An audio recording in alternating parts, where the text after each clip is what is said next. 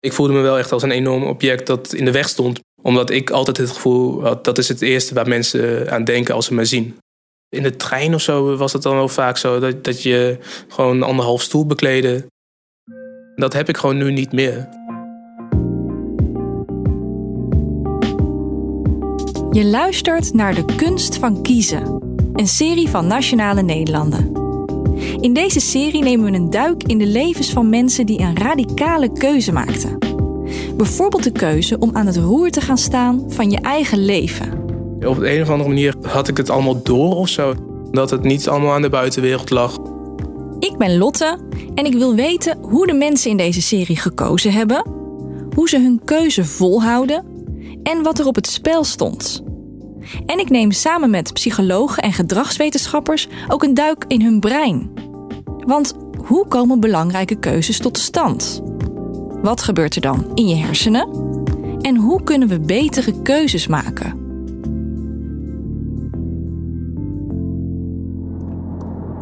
Ik ben in Amersfoort, want hier woont Aaron.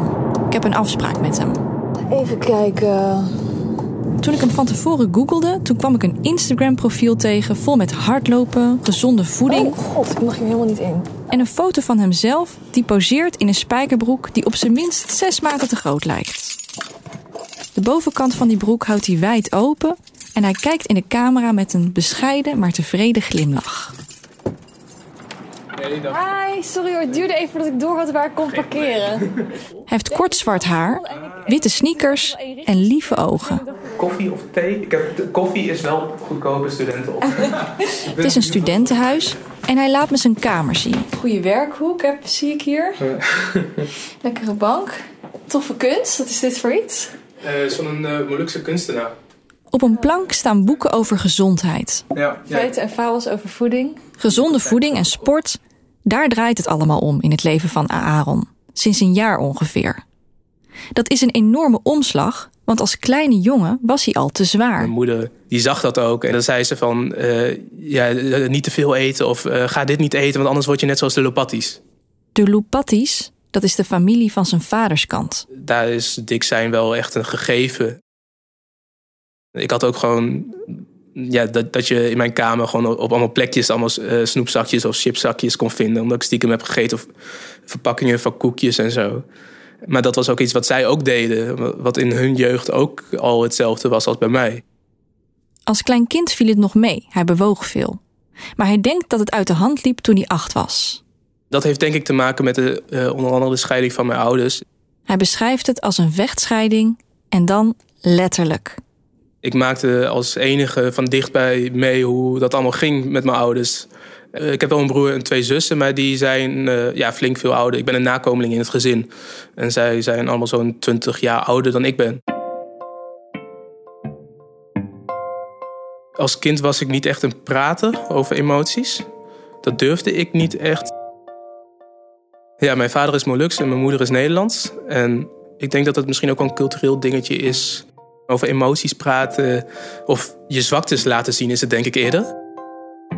Van dat ik niet wilde laten zien dat het mij wat deed. En daardoor bleef ik er zelf heel erg mee zitten. En ja, ging ik uit emotie eten, onder andere. Omdat je gewoon afgeleid bent met dat eten. En waarschijnlijk uh, staat de tv of zo dan ook nog aan. Zijn vader bemoeide zich niet zo met de opvoeding. En toen kwam ik ineens bij hem wonen na de scheiding. En hij heeft geen idee hoe het allemaal werkt. Waardoor het bij mij, denk ik, gewoon verergerde mijn gezondheidssituatie toen.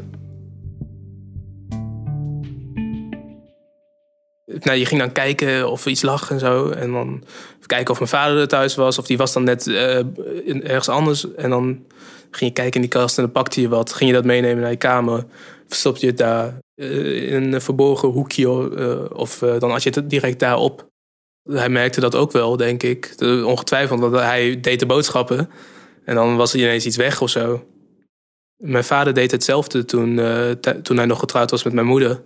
En dan waren de colaflessen of zo waren dan verstopt op bepaalde plekken. Want hij, bij hem werd er ook heel erg op gelet. Door mijn moeder. toen nog, ja. Ik had wel, uh, wel door dat ik gewoon te dik was. Dat had ik altijd wel door. Maar hoeveel die precies woog, geen idee. Nee, ik durfde niet op de weegschaal te staan. Ik heb jarenlang niet op de weegschaal gestaan. Uh, gewoon puur omdat ik bang was voor die cijfers die erop stonden. En dat ik dan uh, gewoon niet wist wat ik ermee moest. Dus je had er geen vrede mee, zeg maar? Nee. Je bent gewoon een enorm object. Nou, zo voelde ik me in ieder geval. Sommigen zullen zich echt niet zo voelen. Maar ik voelde me wel echt als een enorm object dat in de weg stond, misschien wel. Of dat uh, ja, lastig was zo, of iets dergelijks. In de trein of zo was het dan wel vaak zo dat, dat je gewoon anderhalf stoel bekleedde. Uh, of, uh, of, dat als je in een volle trein zat, uh, ja, dat je dan. en er zijn dan wel plekken naast mensen en zo, maar dat je denkt van ja, ik ben zo dik, ik ga dat niet doen. Want dan, dan druk ik die anderen weg. Of gewoon überhaupt al door, door, de, door gang lopen in de trein, dat, dat je gewoon tegen mensen hun schouders aankomt en zo. Ik had ook gewoon een tijdje echt straatvrees zodat ik echt opgesloten in mijn kamer zat een tijdje. Met een deur dicht, gordijnen dicht. Omdat ik bang was van hoe de buitenwereld naar mij keek. En als hij dan wel zijn huis uitkomt en bijvoorbeeld met vrienden naar de kroeg gaat, dan is hij de eerste om grapjes over zijn lijf te maken. Dat je dan zoveel alcohol hebt dat, dat je zegt van nou, je kan mij letterlijk rollend naar huis brengen of zo, zoiets. Maar dat was meer om mezelf in bescherming te nemen, denk ik. Als ik er zelf over mezelf zo grappig over doe, dan worden anderen misschien comfortabeler of zo, dacht ik. Ik heb wel vaker geprobeerd om af te vallen, maar ik hield het dan gewoon niet lang vol. Ik weet niet waarom ik het toen niet kon volhouden. Ja, daar is hij natuurlijk niet de enige in. Waarom is het nou zo moeilijk om af te vallen? Wat we vanuit de gedragswetenschappen weten is dat we beslissingen eigenlijk nemen in ons brein met twee systemen. Die heten systeem 1 en systeem 2. Je hoort Bo van Grinsven, gedragswetenschapper. Volgens Bo is er dus niet één plek in je hersenen waar alle beslissingen worden genomen, maar twee. Dat heb ik niet zo bedacht, maar dat heeft de Nobelprijswinnaar Daniel Kahneman zo bedacht. En systeem 1 is eigenlijk ons snelle en onbewuste en automatische systeem. En systeem 2 is het bewuste systeem. En dat systeem heb je eigenlijk nodig om gedragspatronen te doorbreken. Misschien denk je nu: ik ben een heel bewust en rationeel type, dus bij mij zullen de meeste keuzes vast uit systeem 2 komen. Maar dan heb je het mis. Volgens Bo heeft dat tweede systeem in de praktijk maar weinig in te brengen. Wij nemen eigenlijk 95 tot 99 procent van alle beslissingen die wij nemen, nemen wij onbewust. En, en de onderliggende bepalende factor daarvoor is eigenlijk het concept schaarste. Die schaarste, zegt Bo, dat kan een tekort zijn aan geld of tijd, maar het kan ook emotionele schaarste zijn. Als je ergens mee zit, zoals een vechtscheiding, kun je dat ook zien als een tekort. En op het moment dat je een tekort hebt aan iets, dan overheerst dat um, al jouw beslissingen die je neemt. Dus jouw hele denken wordt overgenomen door die schaarste. En dan zie je dus ook nog eens heel vaak dat dat bij emotionele schaarste voor heel veel mensen eten is. En dat is systeem 1? En dat is systeem 1 denken, ja. En als je dat wil veranderen, dan heb je dus systeem 2 nodig. En dat schakelen van systeem 1 naar systeem 2, dat is echt het moeilijkste wat er is. Schakelen dus. Maar ja, hoe doe je dat? Daar heeft Bo ook geen kant-en-klaar antwoord op. Aaron heeft het een jaar geleden gedaan. Maar van systeem 1 of systeem 2 had hij toen nog nooit gehoord. Het gebeurde zomaar in een trappenhuis ja, ik, ik snap het ook nog steeds niet helemaal hoe dat ineens zo gekomen eh, ja, is. Het was het trappenhuis van het gebouw waar zijn moeder woonde. En om dit goed te begrijpen, moet je eerst weten dat hij sinds de scheiding van zijn ouders heel weinig contact had met zijn moeder. Of dan was het uh, van, hey, kom je weer een keer langs? Of dat ik uh, vroeg of ik langs kon komen. En dan was het gewoon bij haar thuis. Dat ik dan even op bezoek ging. Als hij elf jaar is, zit hij daar weer eens bij zijn moeder aan tafel. We hadden een, begeleider die het contact ja, begeleidt. Die man eh, die zat er dan iedere keer bij, dus die was er toen ook. En we zaten daar in de keuken aan de keukentafel tegenover elkaar. En uh, die man vertelde van ja, je moeder wil iets vertellen. Uh, en mijn moeder vertelde toen van ja, ik moet eigenlijk wel een beetje aan mezelf werken. En dan kunnen we even geen contact hebben. En zodra dat wel weer kan, dan neem ik contact met je op. Of dan laat ik het weten via die begeleider. En toen heb, ik jarenlang niks gehoord. Uh, en dat, toen was ik uh, elf. Ze stuurde dan een berichtje met mijn verjaardag of zo, of een kaartje. En, uh, en op een gegeven moment dacht ik zelf wel van... hé, hey, hoe zou het met haar gaan? Hij zoekt het contact zelf weer op. Hij zit dan in de derde klas van de middelbare school. Sindsdien heb ik heel af en toe, eh, een paar keer per jaar, eh, contact met haar. Nou, dan ging ik bij haar op bezoek. Het was altijd dat ik bij haar op bezoek ging. Dan was ik daar een paar uur, zaten we te praten en uh, liep al iedere keer wel uit in een, in een ruzie. En dan ging ik weer weg. En dan had ik dan weer even een tijdje geen contact. En dan dacht ik op een gegeven moment van, nou, laat ik het proberen. Misschien dat het nu anders is. Maar het was nooit anders. Nee, het was iedere keer hetzelfde. En zo kwam het dat hij in januari 2020 weer een poging deed. En uh, het was gewoon weer zoals van ouds. Dat er werden oude koeien uit de sloot gehaald. Uh, dingen waar ik zelf niet bij betrokken was. Of gewoon dingen voordat ik geboren was. Daar ging het dan over. Verhalen waar mijn moeder dan heel erg mee zat. En ik dacht van ja, ik, ik heb hier gewoon niks aan. Ik kan hier niks mee. En toen ben ik maar boos en echt huilend de deur uitgegaan. En ik liep de trap af, nog huilend in emoties. En dan gebeurt er iets geks. Op de een of andere manier kwam toen in mijn hoofd terecht: oké, dit, gaat, dit blijft waarschijnlijk zo. Dit gaat niet veranderen. Het lijkt alsof hij van iets groter dan hemzelf een hele belangrijke boodschap krijgt. Dit blijft zo en hier kan ik niks aan veranderen. Maar ik heb wel zelf de controle over hoe ik ermee omga. Ik, ik, ik weet het zelf ook niet echt hoe dat ineens zo kwam. Nee, op een of andere manier had ik het allemaal door of zo. Het is heel raar. Dat ik wist dat ik zelf de controle had.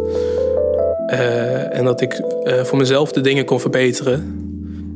Die op dat moment slecht verliepen.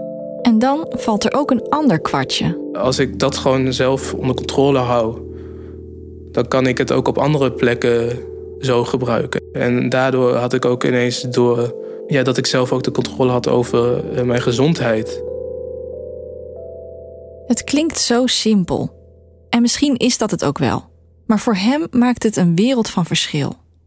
Zijn moeder kon hij niet veranderen, maar vanaf nu zou hij zich richten op alles waar hij wel controle over heeft.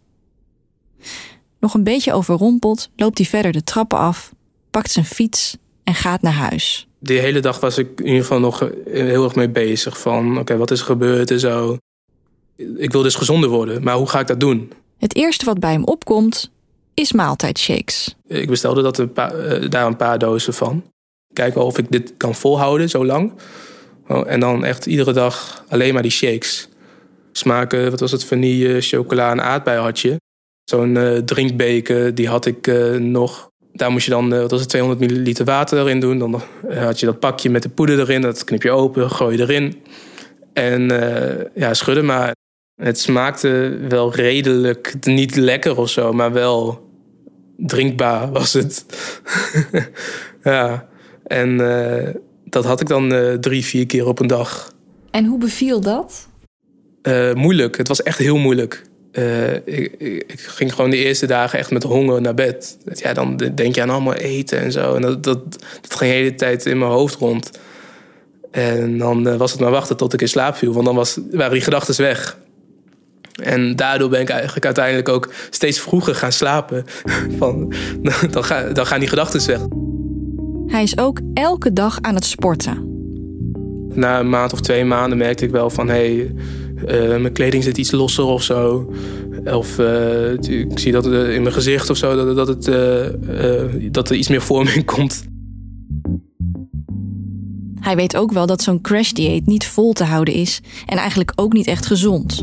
Dus hij bouwt de shakes af en maakt voor zichzelf een nieuw voedingspatroon, wat nog best wel zoeken is. Vervolgens sluiten de sportscholen door corona en dus wordt het ook lastiger om te sporten. En hij merkt dat het afvallen niet meer zo snel gaat als in het begin.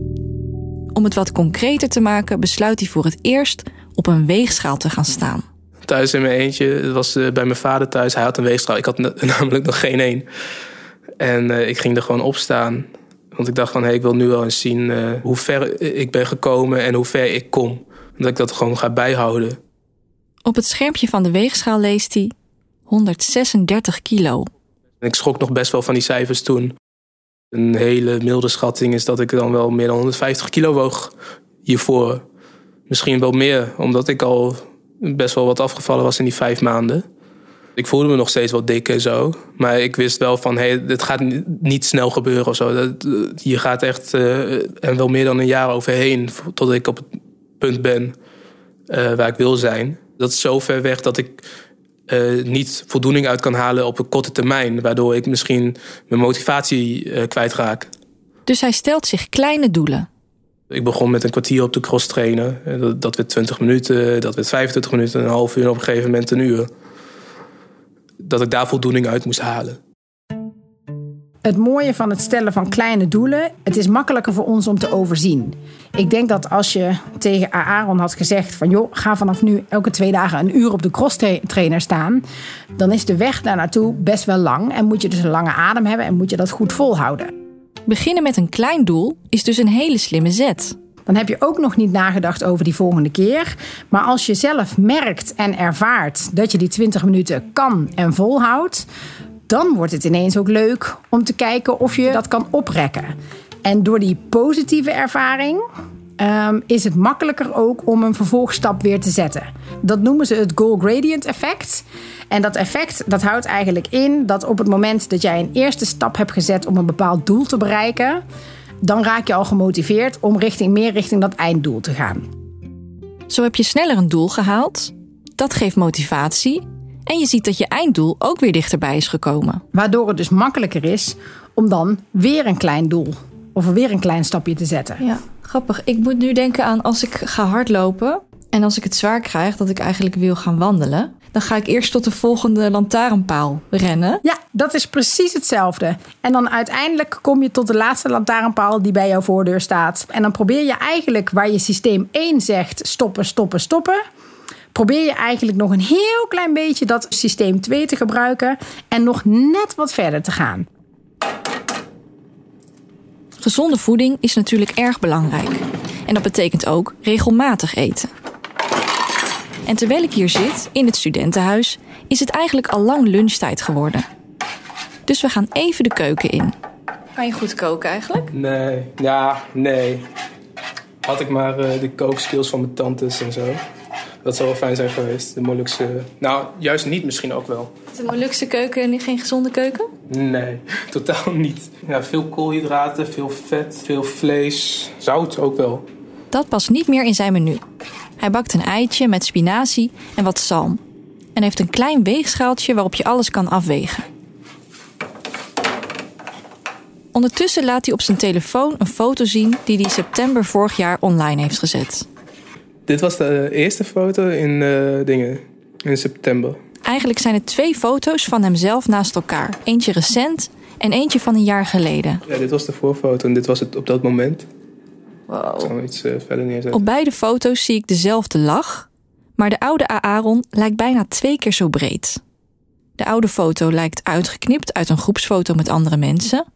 De nieuwe foto is een stralende selfie in de spiegel. Ja, dat is wel echt een ander persoon. Ja. Ik zou je niet herkennen eigenlijk. ja, dat hoorde ik van mijn zus laatst ook toen ik daar weer een keer was. De foto maakt nogal wat los bij mensen. Ja, ik kreeg daar zoveel reacties uh, op, zoveel complimenten en zo op Twitter was het uh, duizend likes of iets dergelijks. In mijn hoofd ging het echt alle kanten op. Ik dacht van, wow, hoe kan dit zoveel uh, mensen bereikt hebben? Nu moet ik het ook gewoon door gaan zetten. Want anders uh, zijn er mensen met verwachtingen die ik niet waar kan maken. Het is inmiddels vijf maanden na die ene foto. En hij is nog steeds aan het sporten, nog steeds aan het afvallen. En hij voelt zich eigenlijk een ander mens. Dat effect kwam al vrij snel nadat hij was begonnen. Ja, als ik bijvoorbeeld uh, hier naar het centrum in Amersfoort moest om iets te halen of zo, dan had ik eerder wel altijd van, oh, ik ga, dit vlug doen, want ik vind het eng of zo. Omdat ik, ja, mensen. er zijn mensen en mensen zien mij. En dat had ik nu veel minder. Misschien ook dat ik dacht van, ik, ja, ik ben niet zo'n uh, enorm obstakel op de, uh, in de straat of zo. En ook in zijn hoofd is er iets veranderd. Ik piekerde echt veel in bed of zo. Voordat ik ging slapen, dan eh, dacht ik over allemaal dingen na en zo. Dingen met werk bijvoorbeeld. Dat ik dan in bed dacht: oh shit, heb ik dit niet fout gedaan vandaag? Of heb ik, hoe denken mensen daarover? En dat heb ik gewoon nu niet meer. Ik wist dat ik zelf controle had over dingen, dat ik zelf uh, dingen kon veranderen en dat het niet allemaal aan de buitenwereld lag of aan ja, externe factoren in ieder geval. Het lijkt wel alsof de echte transformatie helemaal niet zit in gezondheid of gewicht, maar in het gevoel van controle over je leven. We zijn eigenlijk altijd zelf in controle van alles wat wij doen, maar dat ervaren we niet zo. Dus hij heeft dat trappenhuismoment gehad. Daar heeft hij gedacht: ik ben zelf in controle van hoe ik mijn leven inricht en welke beslissingen ik neem en welke keuzes ik maak. Maar het is niet zo dat hij dat niet was voordat hij in dat trappenhuis stond. Dat was toen ook al zo. Alleen kennelijk is er daar iets bij hem gebeurd waardoor hij dacht: hé, hey, ik ben echt zelf in, in controle van de beslissingen die ik neem. En die, die zelfcontrole en dus de beslissingen die hij neemt, dat, waren, dat werden systeem 2 beslissingen ten aanzien van zijn levensstijl. Het klinkt heel makkelijk. ja. Alsof je dat dus even gaat maar even beseffen en dan kun je het zelf oplossen. Nee. Ik las vandaag nog dat 100.000 mensen in Nederland morbide obesitas hebben. Dat zijn dus al 100.000 mensen met een BMI van boven de 40, was dat geloof ik. Er moet ergens een keer een kwartje vallen. En het ingewikkelde is dat um, voor al die 100.000 mensen kan dat kwartje anders zijn. Kan dat eruit anders uitzien.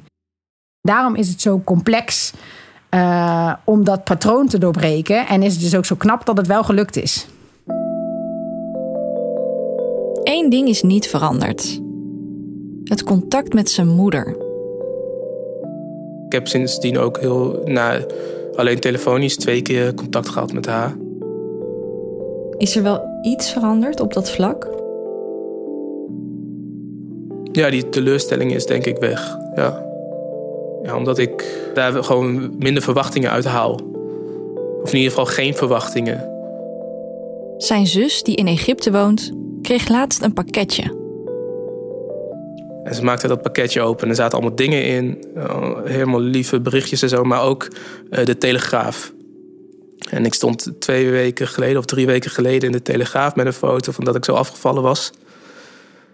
En uh, die had mijn moeder allemaal opgestuurd naar haar in Egypte. En op de een of andere manier heb ik daardoor wel doorgekregen van... oké, ze volgt het dus en ze is blijkbaar trots. Want anders zou ze die krant niet opsturen, denk ik. Je hoorde het verhaal van Aaron. Heb je genoten van dit verhaal? Abonneer je dan op De Kunst van Kiezen via je favoriete podcast-app.